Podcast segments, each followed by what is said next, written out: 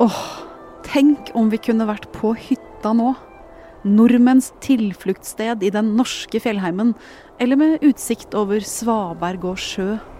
Stedet vi samler familie og venner, eller finner ro og får kontakt med våre ekte verdier. I fjor var et toppår for hyttesalg i Norge.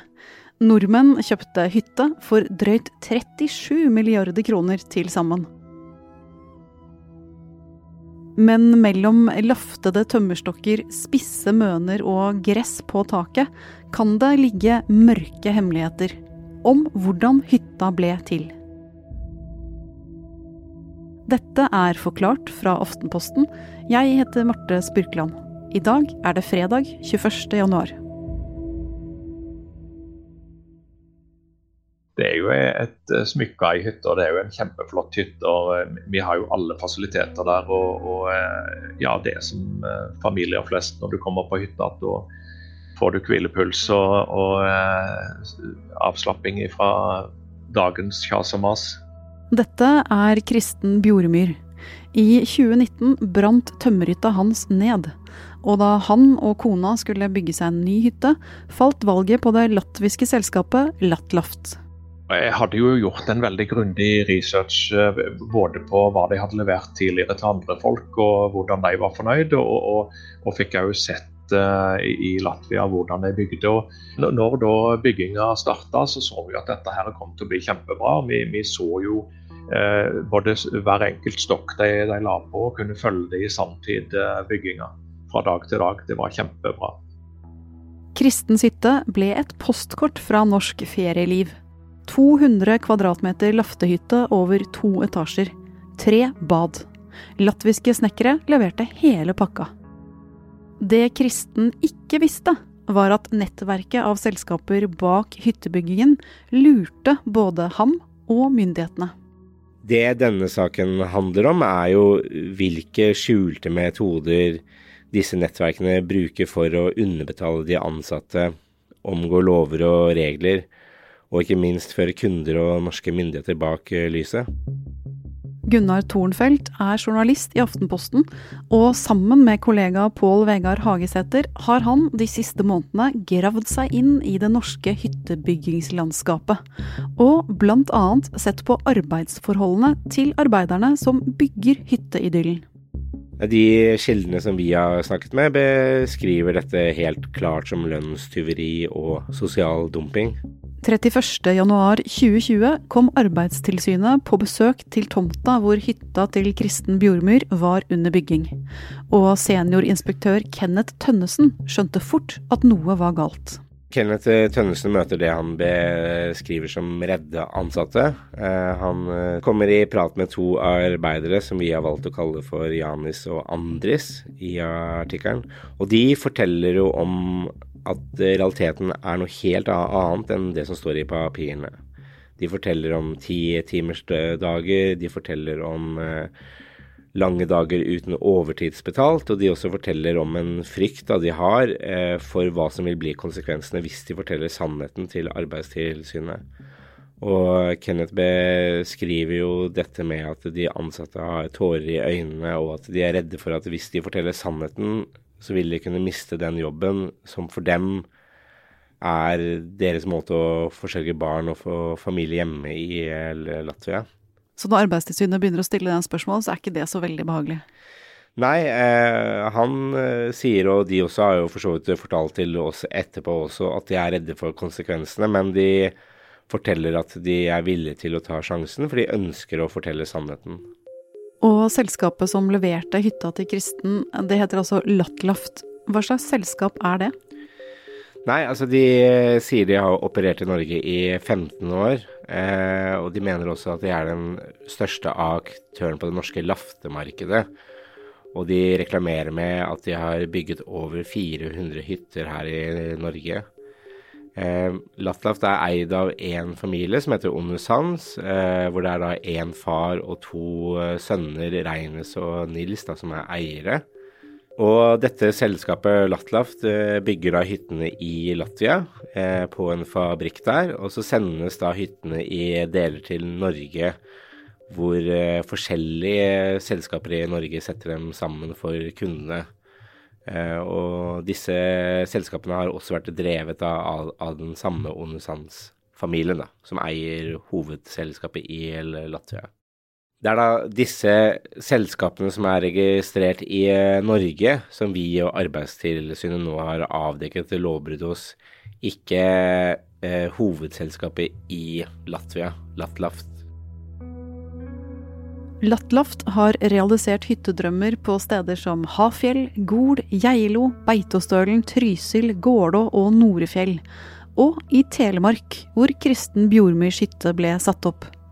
Under byggingen fikk han godt forhold til arbeiderne som var på stedet.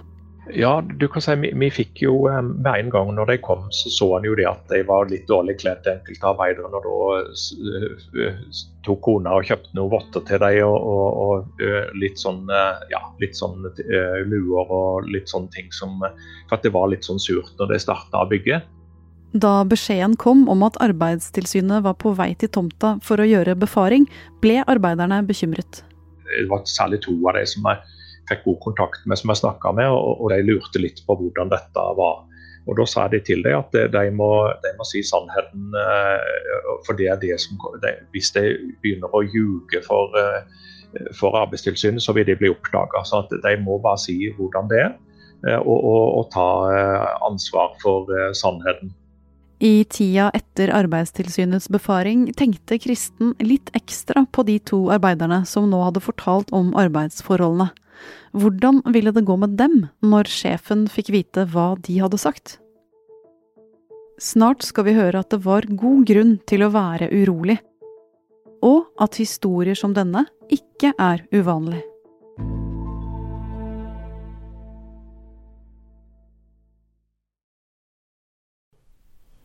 Jā, un tad vienkārši runājām un plēpājām par, kas notika. Da ledelsen i Latlaft fikk vite at to tømrere som bygget hytte i Telemark hadde snakket med Arbeidstilsynet, ba de dem om å innfinne seg på hovedkvarteret i Latvia. Eh, den gangen da jeg gikk inn på det møtet med sjefen på kontoret i Latvia, var jeg bekymret, jeg var stresset. Jeg forsto selvfølgelig hva vi skulle snakke om, og jeg forsto også hva dette betydde for meg. Det betydde også at jeg kommer nok til å miste jobben. Gunnar, hvem hører vi her? Det vi hører her, er den uh, latviske håndverkeren som vi har kalt for Janus, i uh, samtalen med meg og en tolk. tolk, som forteller om da han ble kalt inn til sjefen etter at han hadde snakket med Kenneth Tønnesen fra Arbeidstilsynet. Og det er et møte som han gruer seg til? Det er et møte han gruer seg til, og han er også overbevist om at det kommer til å ende med at han må slutte i bedriften. Da. Janis og Andris gikk inn i lokalene i februar 2020, og de visste at de var i alvorlig trøbbel. Så en av dem tok lydopptak av samtalen.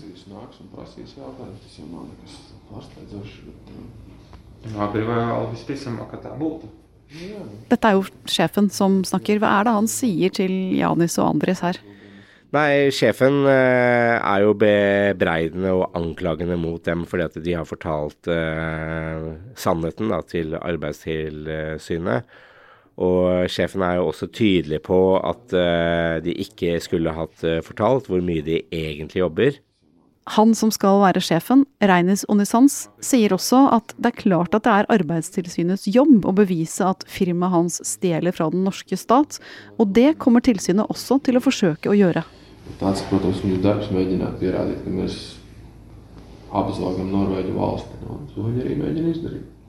Og da spør jo Janis, altså Men i store trekk er det jo slik Eh, og da svarer sjefen ja, i store trekk er det slik, men dersom vi ikke hadde gjort det, så hadde verken dere eller jeg hatt en jobb. Hva avdekker dette opptaket, Gunnar?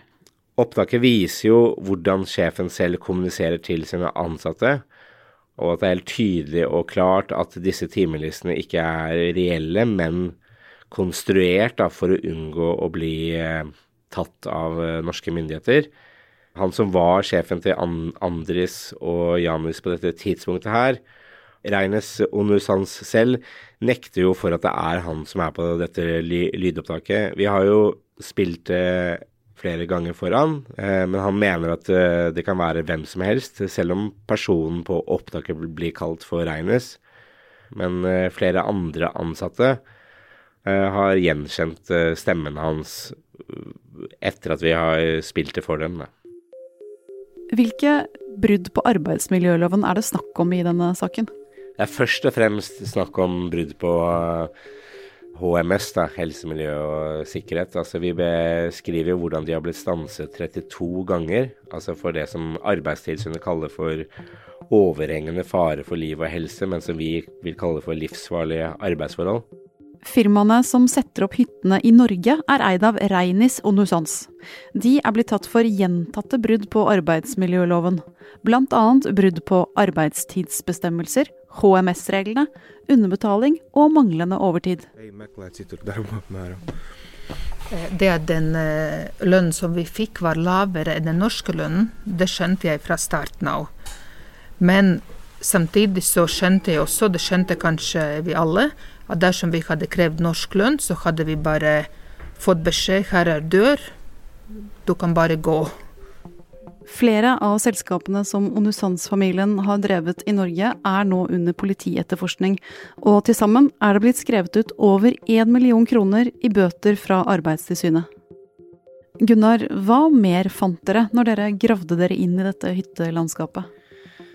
Gjennom å snakke med over 40 ansatte, eh, hvorav 15 ville la seg intervjue, snakke med 16 kunder og gå gjennom eh, hundrevis av eh, saker hos Arbeidstilsynet, så så vi en metodikk som skal ha blitt brukt til å lure norske myndigheter og skjule grove brudd på arbeidsmiljøloven. Og denne metodikken går hovedsakelig ut på å få arbeiderne til å føre fiktive timelister.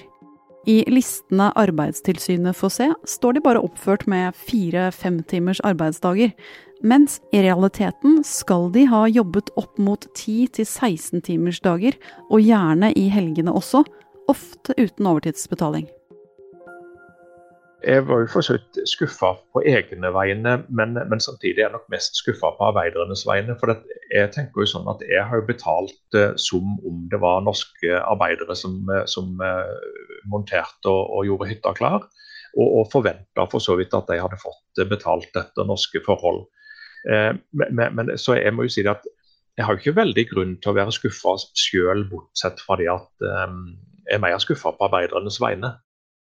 Reinis Onusans har hele veien nektet for at anklagene mot selskapene hans stemmer. Han mener at selskapene ikke har underbetalt de ansatte, at timelistene stemmer, og at de ikke har lurt noen eller forsøkt å føre noen bak lyset. Han har vedgått brudd på HMS-regler, men nekter for å ha stjålet noe. Anklagene om sosial dumping har han ikke kommentert. Dagens leder for Latlaft, det latviske selskapet, mener Latlaft ikke har noe med de norske selskapene å gjøre. Han peker også på at det latviske selskapet aldri har brutt norsk lov. Og Gunnar, de to som jobba på byggeplassen til Kristen sin hytte, og som sto der med tårer i øynene da Arbeidstilsynet kom, eh, hvordan gikk det med dem? Ja, da Kenneth Tønnesen fra Arbeidstilsynet kom tilbake til byggeplassen, så var jo både Janis og Andris borte. Og da han etterpå snakket med sjefen, så fikk han et helt klart inntrykk av at de hadde fått eh, sparken for det de hadde pratet med Arbeidstilsynet. Det er jo også det som er Janis og Andris sin eh, versjon. Eh, de også mener at de fikk sparken fordi de fortalte sannheten. Mens sjefen selv, Reines, mener at de fikk eh, sparken pga. det han kaller for dårlige holdninger og manglende arbeidsevne. Da. Og Gunnar, ifølge dine kilder så er jo ikke historien til Janius og Andris helt unik heller. Hvorfor er det så mye grums i hyttemarkedet? Jeg tror jo at det er en kombinasjon av flere ting. Altså både det at det har vært en enorm hyt hyttevekst. og og at det naturlig nok ofte ligger på litt eh, fjerne steder. Eh, langt oppe i fjellheimen eller eh, langt ute på kysten. Ehm, Så det er både mindre tilgjengelighet da, enn vanlige byggeplasser, og det er jo selvfølgelig også en enorm vekst, og derfor også et enormt stort marked. Når man er privatperson da, som skal ha seg hytte, burde man selv følge med på arbeidsforholdene og ta kontroll? Svaret fra norske myndigheter er nok et krystallklart ja, men det er en juridisk eh, uklarhet her. Og så vil jo kanskje mange peke på at det også finnes noe som heter et moralsk ansvar. Eh, at når det er personer som jobber for deg og setter opp noe for deg, så har du også plikt til å undersøke hvordan de lønns- og arbeidsvilkårene er for dem. Men juridisk så er jo dette i beste fall et litt sånn grått område, som er litt uregulert. da.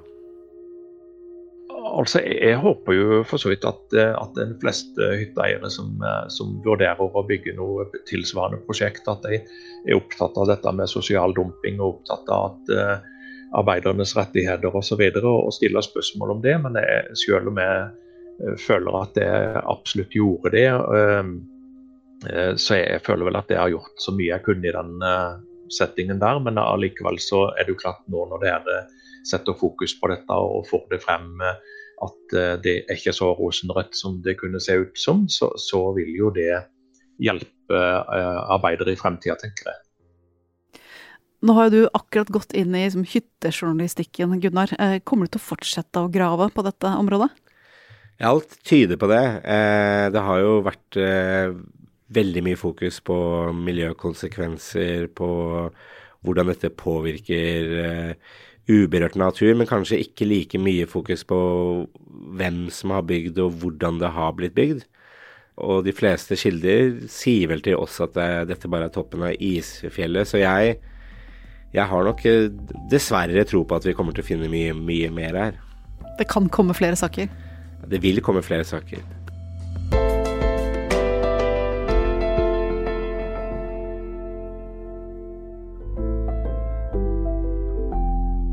I dagens Forklart har Kristen Bjoremyr og Aftenposten-journalist Gunnar Thornfeldt fortalt om dårlige arbeidsforhold under bygging av den norske hyttedrømmen.